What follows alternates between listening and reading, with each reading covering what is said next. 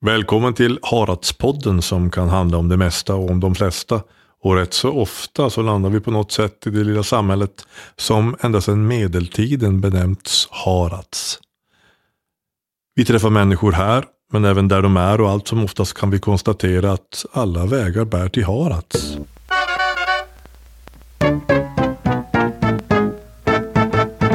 Alla vägar bär till Harads.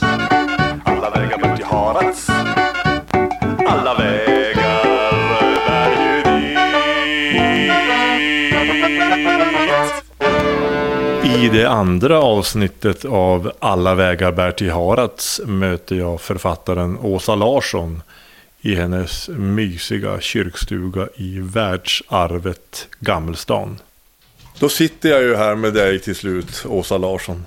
Ja, härligt. Med mig och mina hundar som trampar omkring i kyrkstugan. Ja, vi sitter faktiskt inte i Harads utan vi sitter ju i Gammelstan i en fantastisk miljö, ett världsarv. Ja, nej men det var så här. Det är ju ett UNESCO-världsarv. Jag tyckte att det var kul att man kunde få jag menar, du vet, köpa en stuga och vara med och bevara det. Och dessutom så blir det som en bra sån här liten mellanhållplats för mig när jag är på väg ja, men mot Tornedalen eller Kiruna. Så, och få mellanlanda här. Det är ju en otroligt härlig miljö och eh, nu vet jag inte hur många som bor. Träffar ni mycket? Är det mycket folk som är här nu på somrarna? Jo, men det, så det är ju det. Det finns ju fortfarande en sån här fin kyrkstugekultur. Att, att, eh, eh det, ja, men jag tror nästan att det står i ens papper som man får när man köper en stu, kyrkstuga att man ska dricka kaffe med sina grannar. Eh, och, bev och, beva jo, men, och bevara den här kyrkstugekulturen. Liksom. Men nu måste jag säga till mina hundar en gång, sluta härja där bakom. Men det är ju skönt att vi fall förklarat att det är, vår, att det är dina hundar. Som inte undrar vad vi gör Ja. här. Ja. Nej, är ju- de är rastlösa, de, har de är- suttit i bilen hela dagen ja, igår. det, så att, det är ja. full förståelse för det. Utan vi prövar att ha dem i alla fall tycker jag. Det är jättebra. Sen har vi en, en sprakande eld där. Jag är ju väldigt förtjust i att elda så jag lägger på här tror jag en liten... En liten för det blir lite svalt på min, Ja. bakom min rygg. Men man tittar, om ni sitter på den här, i den här kyrkstugan, i den här miljön så kan man ju säga att det har ju fyllt en otroligt viktig funktion för den här med glesbygden. När man säger när det här verket, när det begav sig. Det här var ju den tidens Tinder. Ju men verkligen. Alltså, det är ju, man hade ju så här kyrkogångsplikt. Ja. Alla var tvungna att gå i kyrkan, annars så, alltså det var ju straffbart att inte. Ja. Så då, men, men, eh, men de var ju liksom smarta, så att man gjorde ju så att man hade vissa kyrkhelger var ju ungdomshelger.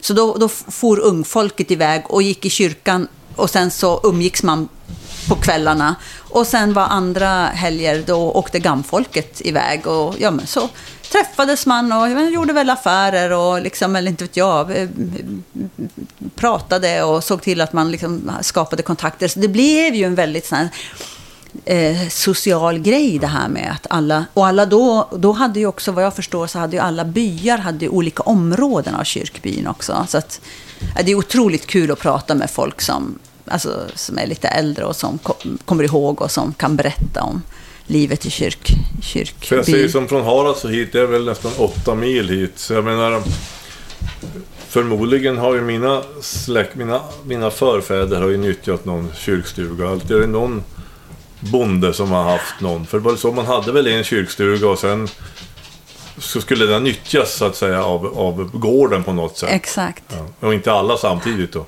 Nej, någon måste ju stanna Ja, hemma någon och ta hand om eh, kritterna liksom. Så att, ja. Men det är bra sätt att få lite nytt blod i byarna. mm, eller hur? Ja. Tinder, som sagt. Tinder. Ja. eh, då kommer jag till det här med varför vi... Har du hemlängtan?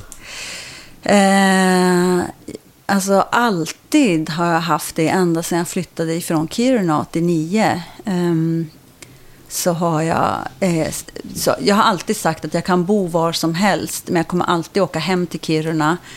Eh, och, eh, och sen har jag ju, jag tillbringade ju alla mina helger och sommarlov som barn i, i Tornedalen. Så att jag känner ju att Norrbotten överhuvudtaget är sådär, har dragit i mig jämt. Och jag har, när jag fick barn så, så har jag också alltid haft en sån här nedräkning. Jag har vetat att när min yngsta unge flyttar hemifrån, då ska jag eh, se till att jag liksom skaffar mig någonting fast eh, i Norrbotten så att jag kan alltså, tillbringa längre tider här uppe.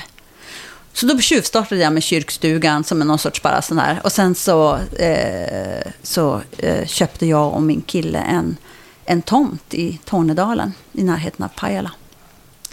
För man kan ju säga det, för de som inte vet nu så är det ju så att du bor ju i Mariefred. Ja, Och det kan ju vara någon nyfiken som undrar varför vi känner varandra. Och det är ju faktiskt för att vi... Oj, nu häller jag upp lite kaffe här. och du Vill kan du hälla, lite kaffe? jo, häll på åt mig också. Ja, ska du få. Låter inte de här kopparna så här fint när man Jo, de sätter var ner jätte- dem och så här? Fantastiskt. Och de är så fina, och- de är så, så tunna och fina att dricka också. Exakt. Man blir ju lätt en muggdrickare när man bara okynnes lite Mm. kaffe. Men nu dricker man lite. Nu ska jag till och med ta en kolakaka. För nej, jag inte ta med. Jo, men jag tänker. Nu är, nu är det så här att eh, du är ju skattejurist. En gång i tiden. Ja. Ja. Men det är ju inte därför folk känner till dig. Utan det är ju för ett författarskap. Och du, nu ska jag se om jag har gjort min läxa här. Men du är född i Uppsala. Jajamän. Men sen flyttade du ganska snart, när du var bara ett par år, upp till Kiruna. Jajamän. Men det, alltså jag är ett studieresultat. Mina föräldrar eh, pluggade i Uppsala och så fick de mig. Och sen så flyttade de tillbaka norrut. De flyttade till Kiruna. Pappa kommer ju från en by utanför Kiruna som heter Kuravara. Så då är jag, därför är jag uppvuxen i, i Kiruna. Och eh, att du då sen, man säger att du var skattejurist, men det var väl i, var det Nyköping? Alltså jag Jobbade? jobbade, jag hann ju inte jobba så många år innan jag blev författare på heltid. Men jag, jag jobbade något år i, i Stockholm och sen så jobbade jag... Sen så, eh, när jag väl bestämde mig för att skriva min, eh, min, min första bok. Då hoppade jag ju av min juristkarriär och så tog jag ett vanligt handläggarjobb på en länsrätt, alltså länsrätten i Nyköping. Och, flytt, och så flyttade vi ut på, eh, på Vischan utanför Nyköping. Och, och det gjorde jag ju för att jag kände att alltså, jurister är ett släkte som jobbar ihjäl sig. Och jag, jag visste liksom att om jag, om jag fortsätter med det här på det här sättet eh, då kommer jag bara jobba och jobba. Det kommer aldrig bli någon, det kommer aldrig bli någon, någon bok. Jag visste att jag behövde ett 8-5 jobb och lediga helger. Så därför så flyttade vi ut dit. Och då, då kom en figur som jag tror, jag vet inte om alla känner till, jag vet inte om alla har, det är eller, klart att det är väldigt många som har läst det, men väldigt många har ju sett det på sista tiden. Det är ju inte dig nu, men din karaktär.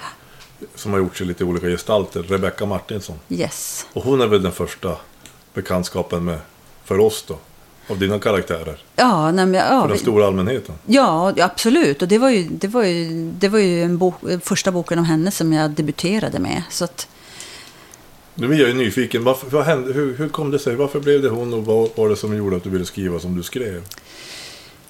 ehm, Går det alltså att svara på? Jo, men det gör det ju. Alltså, eh, jag, eh, riktigt varför det blev deckare har jag nog inte så otroligt klart för mig. Så småningom så gick jag en sån här skrivarkurs för att skriva just deckare. Eh, men, eh, men, men idén om henne, egentligen började det med att jag fick, den här, att jag fick en bild i mitt huvud av ett lik. Och då blev det som en mordhistoria. Ja, men, ja, det, det är en sån här, jag har dragit den här historien så många gånger, men jag kan dra den igen. Det, Du, har aldrig dragit den i den här podden, Nej, så det, kan ju kännas som att det är, att det är premiär. Exakt. Nej, men, Eh, jag var hemma hos en av mina kompisar och eh, eh, hon är en ungdomsvän till mig och hon fick barn ganska tidigt och jag var tillbaka i Kiruna och hälsade på henne. Och vi satt i hennes kök och pratade, hon stod och diskade och jag på, på en skänk i hennes kök så hade hon bilder på på sina barn och så här. Och, och en av fotografierna föreställde hennes son. Och jag kände honom när han var så här liten kille. Men på den här bilden så var en ung man med långt ljust, så här luciaktigt hår. Och så visste jag att han spelade fiol och han såg så här... Eh, ja, men oskyldig ut på något sätt. Liksom. Och, och jag jag blev så förvånad. Den här förvåningen som man kanske för första gången upp, upptäcker när man eh, är ändå en hyfsat ung vuxen och det här att man inser att tiden går ganska fort. Att han hade, plötsligt så var han stor och jag tänkte att ah, att åh, han har blivit så stor, han ser ut som ett helgon. Och så tänkte jag faktiskt på riktigt, han skulle bli ett sånt vackert lik. eh, för att jag såg den här bilden av honom, där, att han låg i snön och tittade upp på norrskenet och att han blödde och att det här ljusa håret var som en sån här trasslig, blodig gloria runt hans huvud och så här, så här ganska överspänt liksom. Men jag kände när jag tänkte på det att det här är otroligt starkt så kände jag att det här är, det här, det finns en roman här. Det finns en berättelse om vem han är och varför han har dött och vem som har gjort det och så här. Och så började jag grunna på den här boken. Så den var ju på något sätt en, alltså, av sig själv en deckare. Liksom. Och det liket Därför. har vi ju, vi som har läst den och sett den har ju stött på det där liket. Ja, Viktor Strandgård då, i första, i första boken. Mm. Och sen som heter så, Ja, han heter Fredrik Andersson. Jo, men vad heter boken? Jaså, den heter Solstorm. Solstorm ja, precis. Det. det. är så roligt. Den har fått heta så mycket konstiga saker genom åren. Folk, jo men är det inte du som har skrivit den där Solrosen, sol, Stolstolen? Och jag skojar inte. Utan det är verkligen, man bara, nja. Eh, inte än, säg. men en uppföljare. Eh, nej, men och sen så var, gällde det att komma på liksom sin huvudperson. Och det tog mycket längre tid att grunna ut en nu har, nu har ju funnits en lång trend med eh, kvinnliga huvudpersoner i krim som har mått dåligt och de har varit liksom en så här, men, och, och ja, de har medicinerat och varit, eh, haft olika eh, diagnoser och sådär. Men då var inte det, då var det en trend med massmördare. Det var liksom det som var deckartrenden just då. Um, och jag försökte liksom komma på. I början så, så försökte jag skriva. Jag försökte börja skriva och hon var så otroligt cool och tuff och eh, rätt sådär påhittad. Liksom. Och det blev ganska dåligt.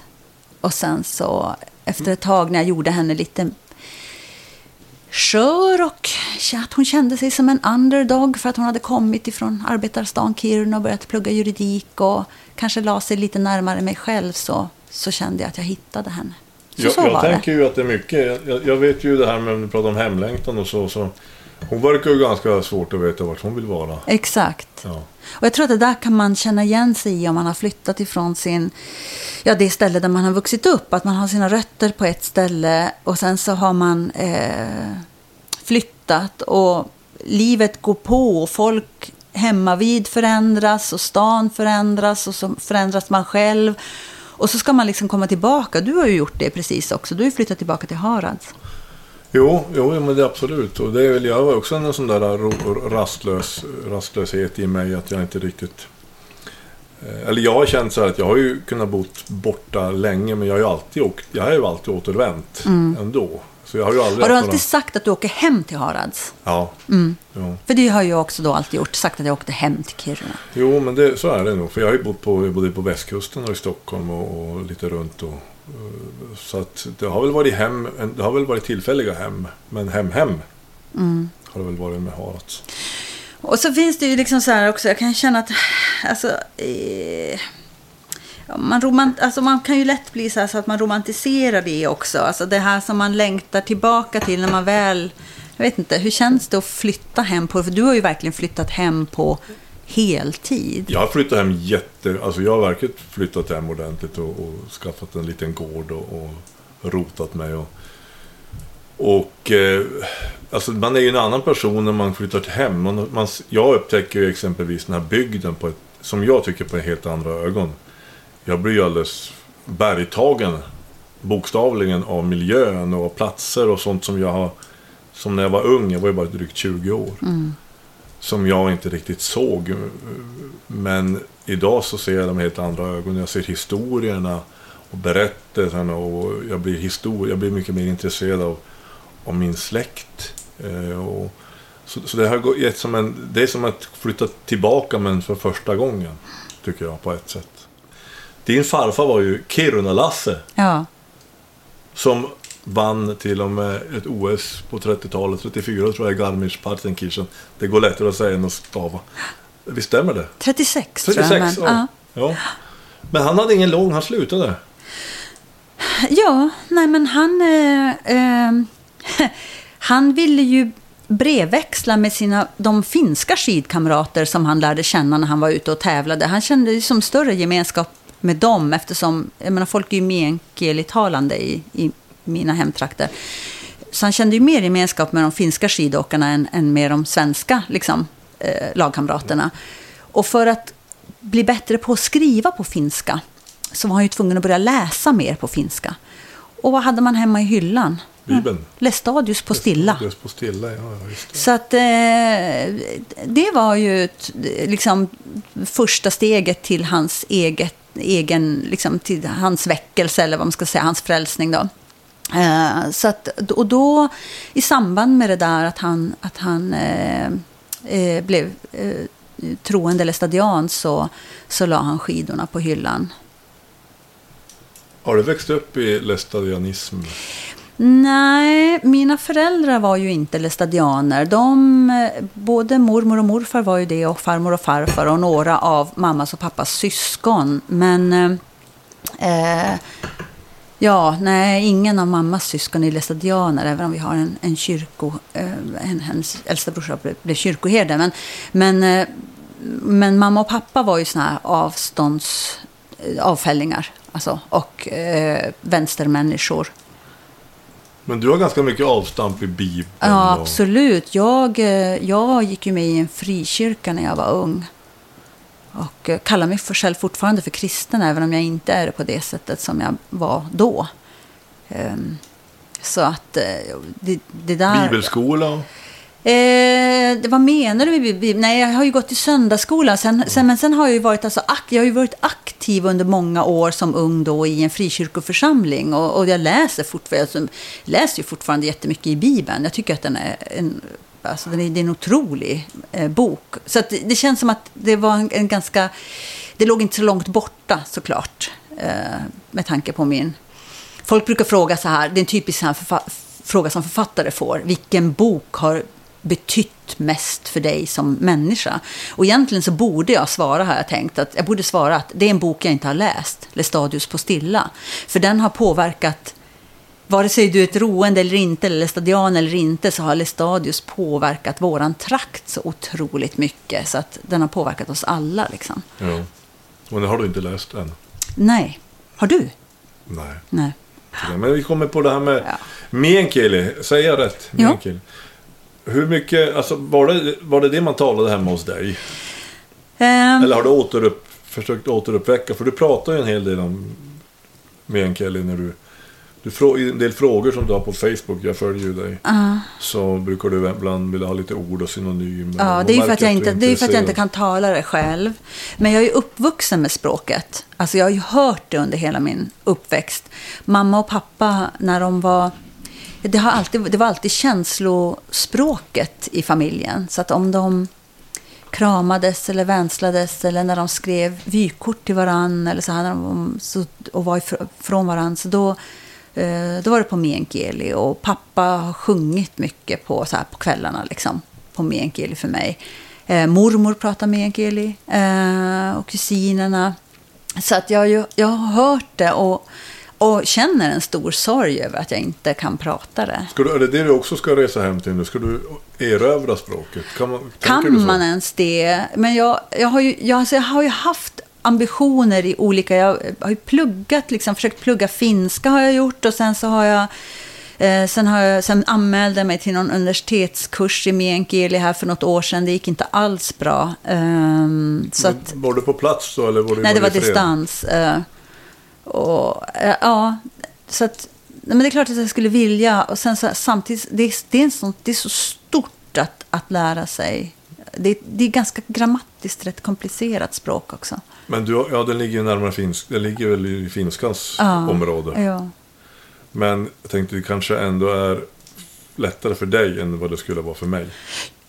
Alltså, det, Alla språk är lättare för dig än för mig. Förutom svenska för sig. Men, men, nej, men, men, nej men visst, alltså, det är klart att ett språk som man har hört, jag märker ju då när jag höll på och, och plugga det här nu min senaste omgång, då bad jag ju mamma att, när, alltid när vi gick ut med hundarna i skogen så pratade hon meänkieli med mig.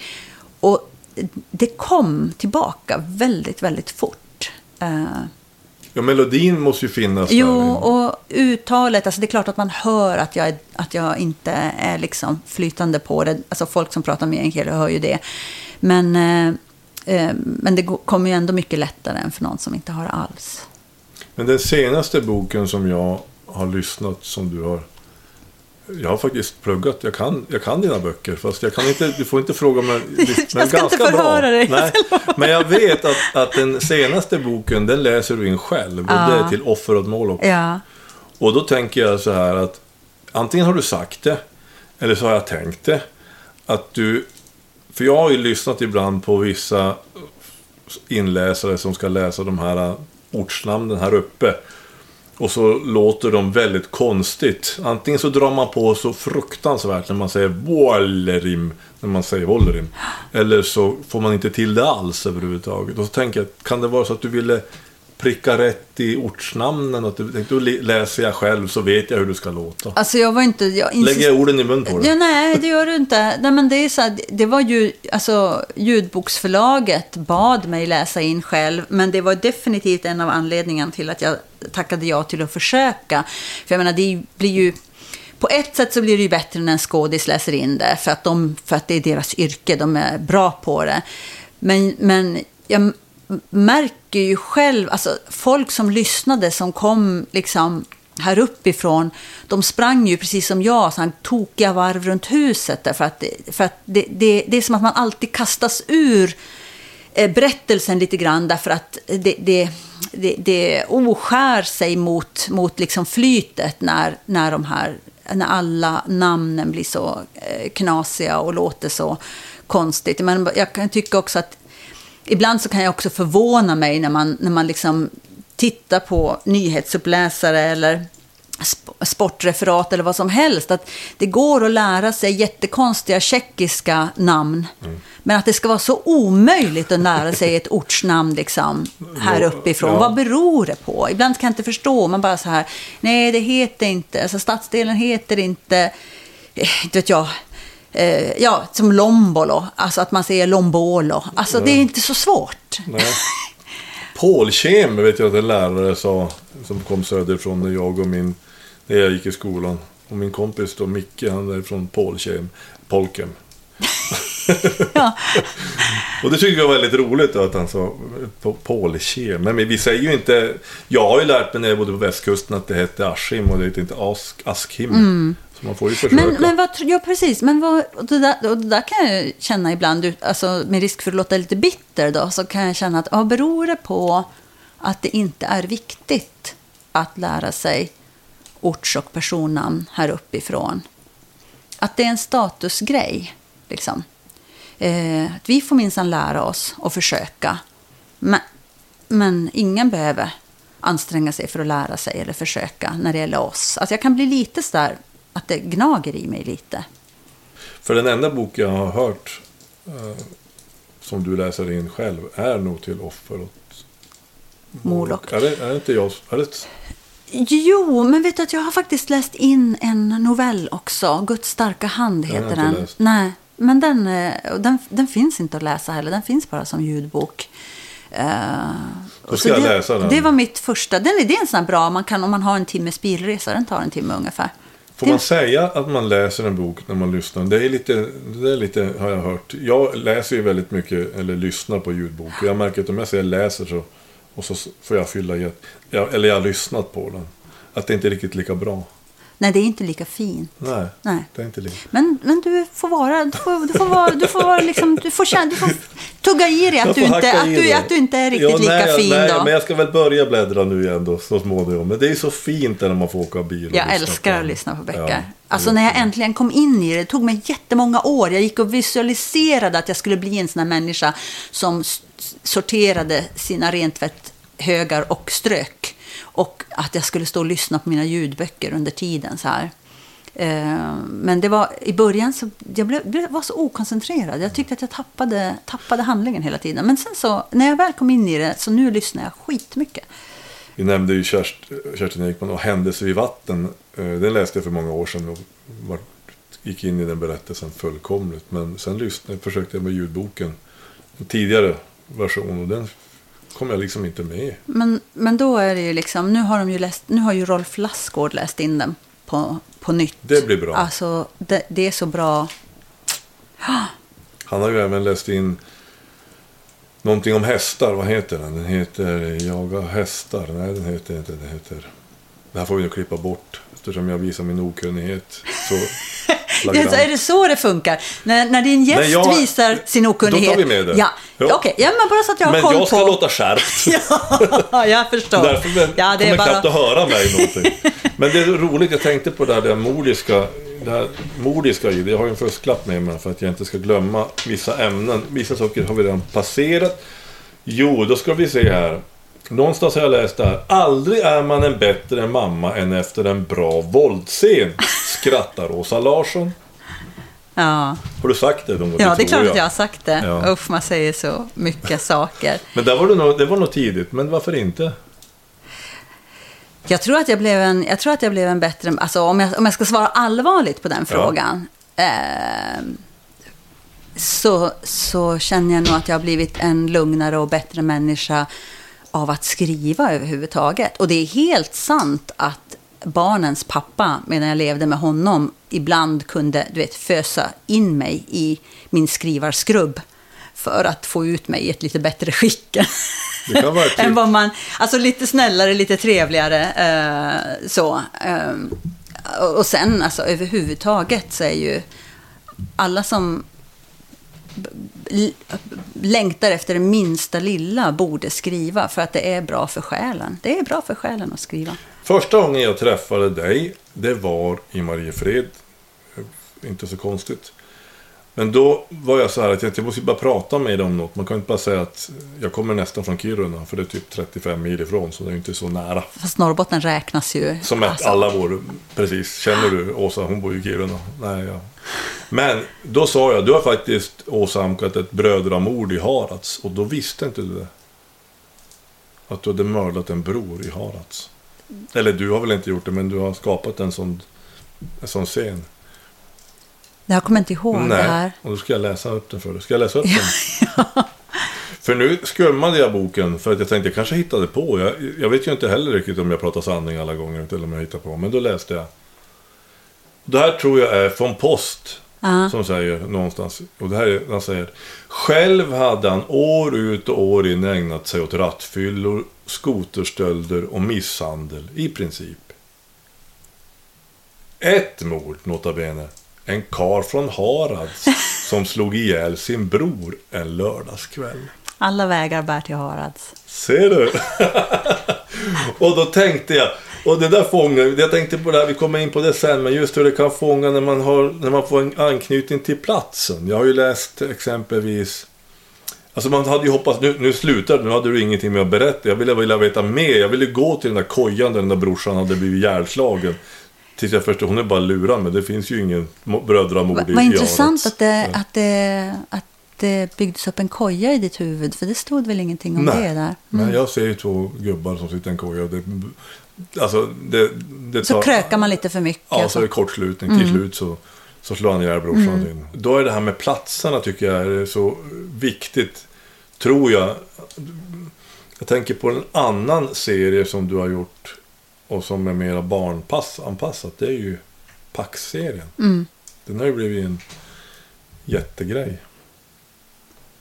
Ja, det var ju en sån här, ja men det, det, det, det, där har det ju så verkligen skett en, en märkbar eh, alltså, hö, höjning i turistströmmen till Mariefred just för att ungar åker med sina föräldrar och, och tittar på Mariefred som är liksom platsen där allt det här händer. Och där har ni ju varit noggrann för det är inte bara i ord utan där är det ju även i bild. Det är ju Mm. fantastiska teckningar som, nu kommer inte jag ihåg vad Henrik Jonsson heter Henrik. Jonsson som har, och det där fick jag se alldeles i sin vagga. Jag, för din medförfattare Ingela Korsell har ju, eh, ni visade mig den där initialt, då fick jag se bilderna här och det var ju, det är ju verkligen på detaljnivå, gator och, gator och gränder i Mariefred. Mm. Ja, men det, och det gjorde ju, eftersom om man är tre kreatörer som håller på med ett projekt också så det blev det ju också väldigt enkelt att alla förhåller sig till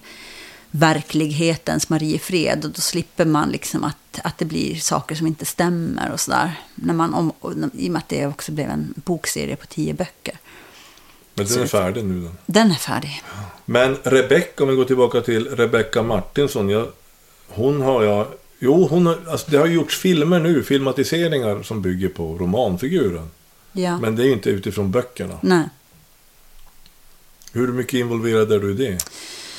Nej, men jag var ganska involverad. Det var ju nu säsong två som, som inte byggde på några romaner.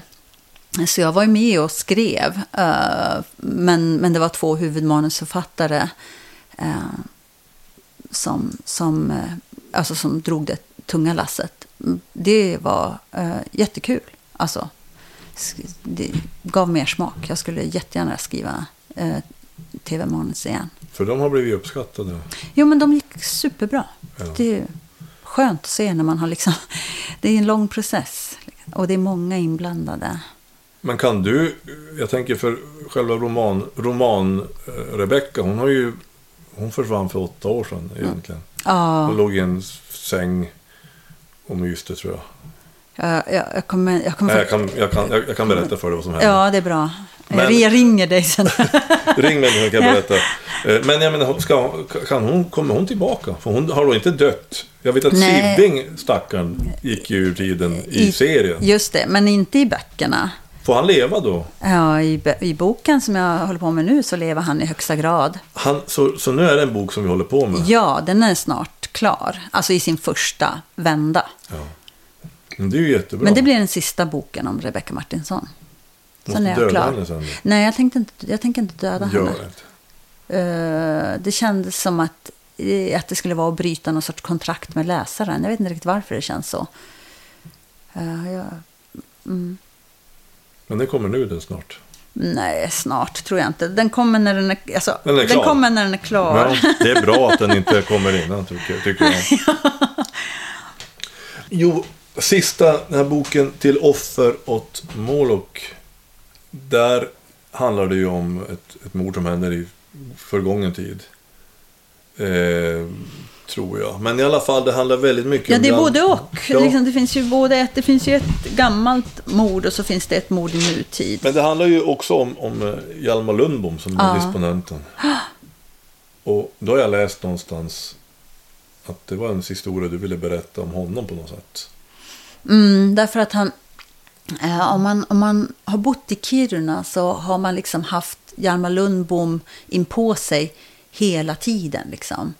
Eh, kanske är det Kirunas största gata som heter Hjalmar Lundbomsvägen och gymnasieskolan heter Hjalmar Lundbomsskolan. Och, eh, hans eh, grav är där på kyrkogården och liksom man ser hans eh, Albert Engström har, har tecknat av honom så här och den, den, liksom den här profilbilden ser man typ överallt. Han är, och, och, jag, när jag växte upp så var han också så...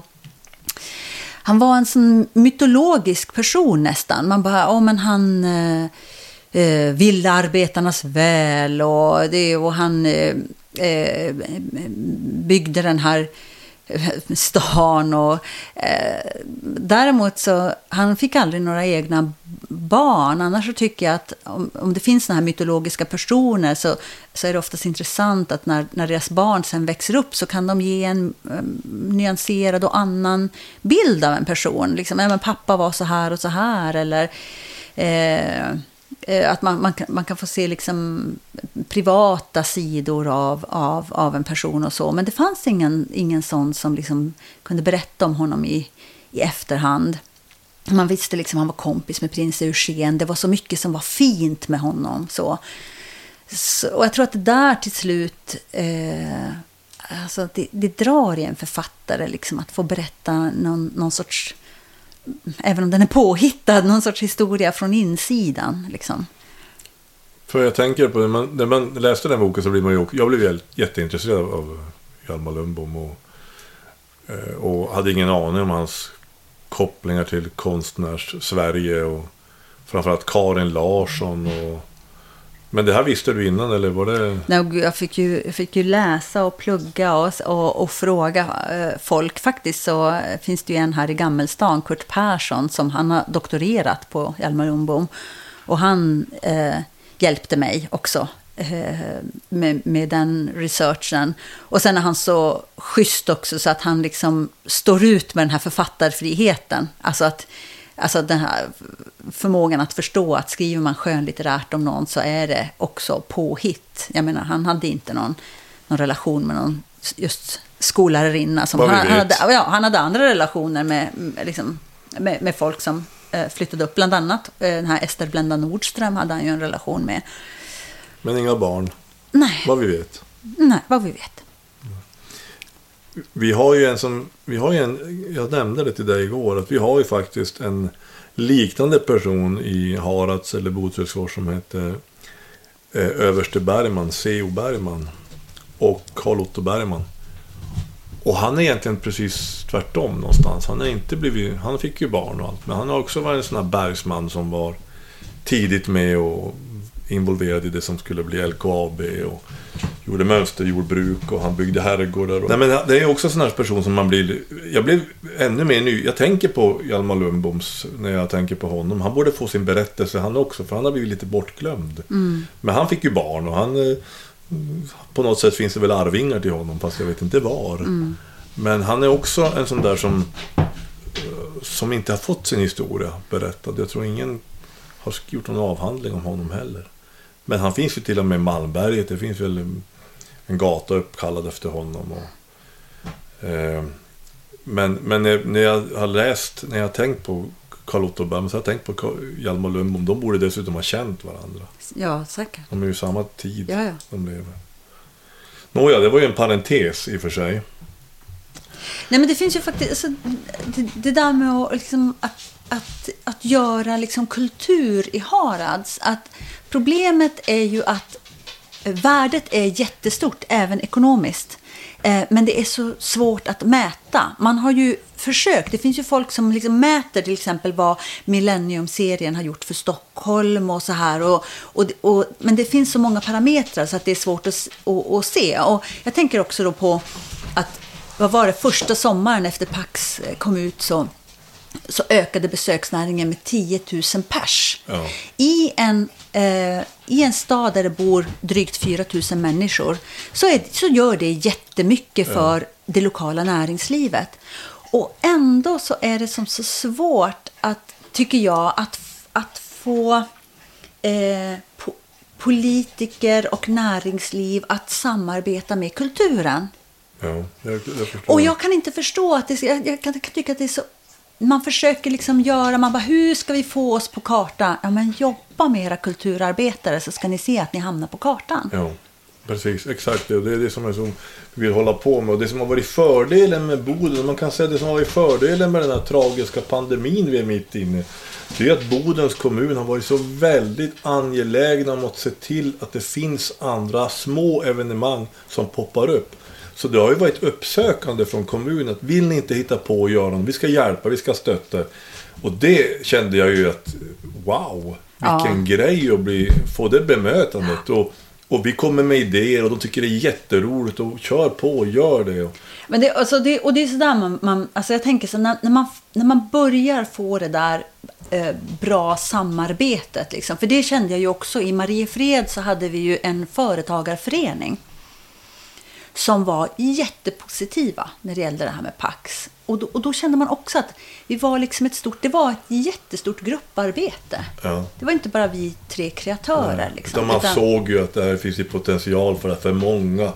Det Exakt, och, och, jag, och jag tänker att det där är så, ja men vad kul, det är härligt att höra. Tänk att, tänk att pandemin kunde ha liksom någonting Att det gott finns- med ja, sig på det precis. sättet. Och det där kommer ju ni, liksom, det där kommer ju finnas kvar. Ja. Liksom. Då, nu, nu har ni liksom hittat varann och kommer kunna fortsätta Ja. att samarbeta. Jo, för vi har tvingats på något sätt att Mm. hitta på en lösning. Och det var ju, vi, hade ju en, vi har ju filmfestival och sen gör vi då första året, visfestivalen var ju förra året och det skulle ju bli i år igen. Så det blev ju eh, naturligtvis eh, avbokat helt och hållet. Och det här är ju också ett sätt att hålla liv i den på något sätt. Mm. Även om det är inte på samma ställe utan på, och, och med en mycket mindre publik. Men i alla fall, då har vi gjort något. Och det hade nog inte, jag tror vi hade struntat i om inte de hade kommit och sagt att kan inte ni hitta på någonting? Vi, vi hjälper er på alla sätt. Och sen tänker jag ju också att man aldrig vet, för saker, alltså eh, kreativitet föder ju kreativitet också hela tiden. Jag menar, en, en gång för länge sedan så längtade jag efter att göra någonting kreativt. Och jag satt i en jävla skrubb på, på övervåningen i vårt hus på Vischan utanför Nyköping och skrev min första roman om Rebecca Martinsson som utspelar sig i Kiruna. Och, och, och sen har det blivit liksom film och tv-serie av det där. Som, och, och böckerna också plötsligt så här reser ut i världen och liksom finns i 30 länder och, och, och tv-serien lika så och, och visar Norrbotten liksom i bilder. Alltså det är ju... Eh, det, och, så att jag kan tänka att, att eh, man att en liten satsning, liksom, vissa saker, liksom, det, det föder annat och så rullar det på. Liksom, så här. Och värdet bara av att man har, att, av den lilla satsningen är ju också stort. Men liksom också så här, om man börjar, det är som att ha musikskola. Ja. Några, några ungar av de här som går i den kommunala musikskolan kommer jobba med musik och göra stora grejer. Liksom. Att man att man måste våga göra sådana här saker där man inte, där man inte liksom kan, kan se eh, hela, alltså där belöningen också kan finnas runt hörnet. Och ett lysande exempel som en kultursatsning har gjort väldigt mycket för våran bygd det är ju att eh, Jonas Selberg Augustén spelar ju in, gjorde en film som heter Trädälskaren i Harads. Och den träkojan som gjordes i den dokument, ja, dramadokumentären, filmen, den är ju upprinnelsen till det som idag är Triotel. Ja, som är en, en, en världs... Eh, liksom, eh, Ja, grej. Exakt, och det börjar med en, det börjar med en, en, en film. Liksom. Och där, så där har kulturen verkligen tagit avstampet och sen har man kunnat hitta på andra saker runt omkring det. Och utifrån det så bor... Vi hade inte bott där vi bor nu om inte det här med Triotel hade kommit in i bilden. För att jag blev involverad i det också. Så att det är verkligen, verkligen är det så. Det gäller att se de här möjligheterna. Men jag tänker att det där är, är... Alltså att man ska verkligen försöka också bygga broar mellan... Alltså faktiskt, alltså att, att kulturen inte ska vara isolerad. Utan att, att kan man så jobb, alltså att jobba liksom med, med, med, med kommunen, med, liksom, med näringslivet. Att det faktiskt inte är... Eh, ibland så kan kulturarbetare också tycka att... att liksom, Man vill att inte ha med vill- näringslivet att Nej, de vill inte, och det är jobbigt. Och, Ja. och tvärtom. Ja. Liksom. Eh, men att det kan bli så himla bra. Det tror jag också kan bli väldigt bra faktiskt. Det, men det kan också vara så att man, det blir lite vattentäta skott emellanåt. Kulturen är kulturen och då näringslivet blir som de andra lite grann. Mm, exakt. Framförallt tror jag åt det hållet. Jag tror att näringslivet många gånger kan snegla på kulturen på ett mer öppet sätt. Medan ibland kulturen kan vara lite, ja, vad- vill göra sin egen grej. Liksom. Tror jag i alla fall. Killgissar jag som man säger nu för tiden. Jo, jag tänkte på det här med hem, vi går tillbaka till det här med hemlängtan. Eh, För, jag tror det var för ett år sedan, men för tre år sedan så var det en dokumentär. Som var i dina hemtrakter på Mödranet i Kurkio. Vad betyder Kurkio? Nej, men jag, jag slog, slogs faktiskt av... Kurkio är ju en, en liten by då vid Torneälven. Eh, och så tänkte jag faktiskt när jag kom dit just och gjorde den här dokumentären att det här är liksom geografiskt så är det här... Det kändes som att det är hela mitt författarskap är här. Det är liksom mormor och morfars gård. Eh, ner till älven, ända ut till ön som, som där, där kalvarna eh, betade på, på, på sommaren. Eh, en liten bit in i skogen bara eh, åt, åt, åt alla, alla håll. Och där, eh, jag, jag var ju där hela tiden när jag var alltså på helger och, och somrar och sådär. Um, och alla som känner mig vet ju att Rebecca Martinssons farmor, eh, att jag har liksom lånat jättemycket av min mormor till henne. Eh, så jag tänker att det där var, och det, och det var också där jag fick den här första eh, ska säga, matningen som man eh, lite, så här, lite narcissistiskt behöver som en, en författare. Jag, jag skrev nämligen, jag var chefredaktör för tidningen Kurkio djur och natur. Eh, så varje gång som jag kom till Kurkio nästan så hade jag med mig ett nytt nummer som du vet, mina kusiner och andra kusiner som var medlemmar i Kurkio djur och natur då läste och så hade vi ett litet klubbrum och, och, och sådär. Och, och det där, alltså eh, att, att, att bli läst och liksom sedd på det sättet. Jag, jag tänker att det, det är, eh, har präglat mig jättemycket. Det låter kanske fånigt, men... Nej, jag tycker det låter Ehm, ganska... Så att det var väldigt speciellt för mig att komma tillbaka dit. Det var ju en, en, vi hade ju en, en väldigt tråkig liksom, konflikt i, i familjen på mammas sida som gjorde att, att jag under jättemånga år inte, inte åkte dit. Eh, så att det var väldigt fint att få återvända. Och så nu då, så, som sagt, så ska jag åka iväg och, och få eh, min, min, min kusin som har tagit över det här skogsjordbruket, han, han bara sa du ska få, du får golv till din kyrkstuga, kom hit så går vi och liksom väljer ut lite träd och så sågar jag upp det åt dig. Det är Liksom. verkligt att få komma hem då. Då Otroligt dina fint. Egna, Ja. dina egna, eller traktens träd i din kyrkstuga. Men är det i närheten där du har, ska bygga ett sånt hus? eller? Nej, det är inte så. Men jag, det är där jag eh, ska sätta upp min, min timring nu, det är eh, mer i närheten av Pajala. Så mer nerströms. Nu har vi, hör du, kyrkan. Mm. Kyrkklockan. Vad Alltså- innebär det? Nej, Ingen aning.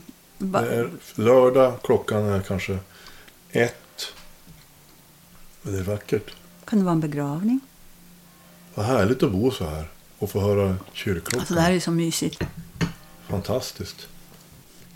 Gud vad trevligt, vad mysigt. Jag tror vi ska ta en promenad till, är det till Kurt Persson vi ska gå? Jajamän, vi går väl dit och kollar vad de gör. För där sitter Ola. Och sen så ska jag till Harads, för alla vägar bär ju förr eller senare till Harads. Tack Åsa Larsson för att jag fick vara här i din underbara kyrkstuga. Och eh, jag vill gärna komma tillbaka hit igen. Men du är välkommen när som helst. Tack så mycket för att jag fick vara med. Podden är producerad av Edek i samarbete med Boden Event, Sparbanken Nord, Region Norrbotten och Bodens kommun. Producenter för podden är Lotta Lennarsdotter, Maria Nilsson, musik LG Pekkari och Johan Jansson, intervjuare Johan Jansson. På återseende då alla vägar bär till Harads.